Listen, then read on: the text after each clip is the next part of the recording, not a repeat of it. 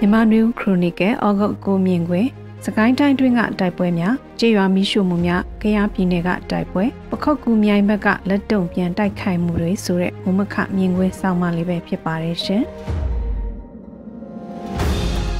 ခုရပိုင်းစကိုင်းတိုင်းအတွင်းကတပင်းမြို့နယ်ကကြေးရွာတွေချင်းတွင်းမြေကြောင်းတစ်လျှောက်ကကြေးရွာတွေမှာစစ်ကြောင်းတွေဝင်ပြီးကြေးရွာတွေမိရှုဖျက်ဆီးခံရတာ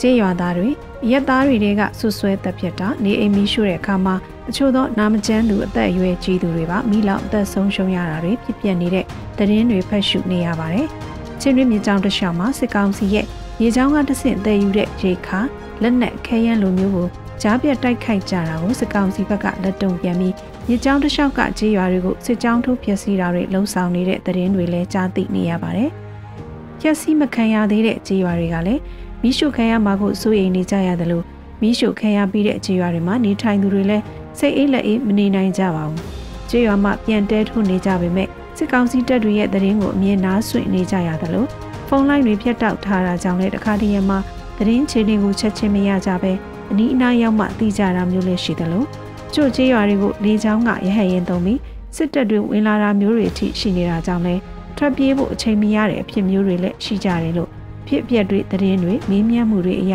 ကြားသိနေရပါတယ်။စကိုင်းတိုင်းထက်ကကျွေးရွာတွေအားလုံးမိရှုခံကြရတာတော့မဟုတ်ပဲချက်ခိုင်ပါတီထောက်ခံသူနဲ့စစ်တပ်ကိုထောက်ခံသူများတဲ့ကြေးရွာအချို့လည်းရှိပြီးအဲ့ဒီလိုကြေးရွာတွေက NLD ထောက်ခံသူတွေကနေအိမ်တွေပိုင်ဆိုင်မှုပစ္စည်းတွေထားရပြီးအခြားရွာမြို့တွေကိုတင်းရှောင်ကြရတဲ့အဖြစ်မျိုးလည်းရှိပါတယ်။အဲ့ဒီလိုတင်းရှောင်သွားတဲ့နေအိမ်တွေကိုကြေးရွာမှာကျန်ရစ်သူအချို့က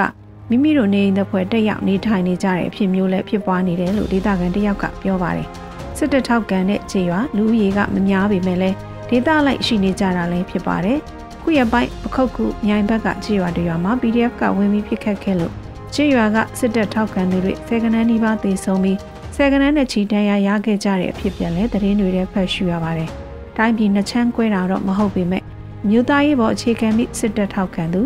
ကြက်ခိုင်ပါတီထောက်ခံမှုပေါ်မူတည်ပြီးစစ်တပ်ထောက်ခံသူတွေအားသာတဲ့ဒေသခြေရွာအချို့ရှိနေတာလည်းအမှန်ပဲဖြစ်ပါတယ်။ စစ်တပ်ဘက်ကပြည်သူစစ်လို့သူတို့ခေါ်ပြီးဒီဘက်ကပြူစောတီလို့ခေါ်တဲ့ဒေသခံတွေကိုလက်နက်ပေးတင်နန်းပေးပြီးပြန်လည်တိုက်ခိုက်ဖို့လှုံ့ဆော်တဲ့နေလူဟာကိုစကိုင်းတိုင်းမှာတွင်တွင်ကြဲကြဲသုံးလာတဲ့ခြေအနွေတွေတွေ့နေရပါတယ်။တိုင်းသားဒေသတွေမှာအဲ့ဒီလိုနေဗျူဟာကအလုံးမဖြစ်ပေမဲ့ဗမာလူမျိုးတွေနေထိုင်ကြပြီးငကိုကလေးကစက်ခိုင်းပါတီရဲ့ထောက်ခံသူများတဲ့ခြေရွာတွေဒေသတွေမှာတော့ဒီနီးဗျူဟာကအတိုင်းအတာတစ်ခုတည်းအားကိုးရပုံရတာတွေ့ရပါတယ်။ကံဘလူမြို့နယ်တွေကဆရာတော်တစ်ပါးဦးဆောင်ဖွဲ့စည်းထားတဲ့ ပြူစောတိအဖွဲ့တွေစစ်တပ်ကလက်နက်တပ်ဆင်ပေးထားတဲ့ကြေးရွာချို့လည်းရှိလာပြီးပေါက်မြို့နယ်ဘက်မှာလည်းဖုံတော်ကြီးကျောင်းတချို့ကဦးဆောင်တဲ့ပြူစောတိတပ်ဖွဲ့တွေရှိတာတွေ့နေရပါတယ်။ခုရပိုင်းသတင်းတွေရဲ့ဖော်ပြနေကြတဲ့သတင်းနောက်တစ်ပုဒ်ကတော့ကရားပြည်နယ်ဒီမော့ဆိုနဲ့ဘိုင်ကော်တဝိုက်မှာတိုက်ပွဲတွေဖြစ်ပွားခဲ့ပြီးစစ်ကောင်စီတပ်တွေဘက်က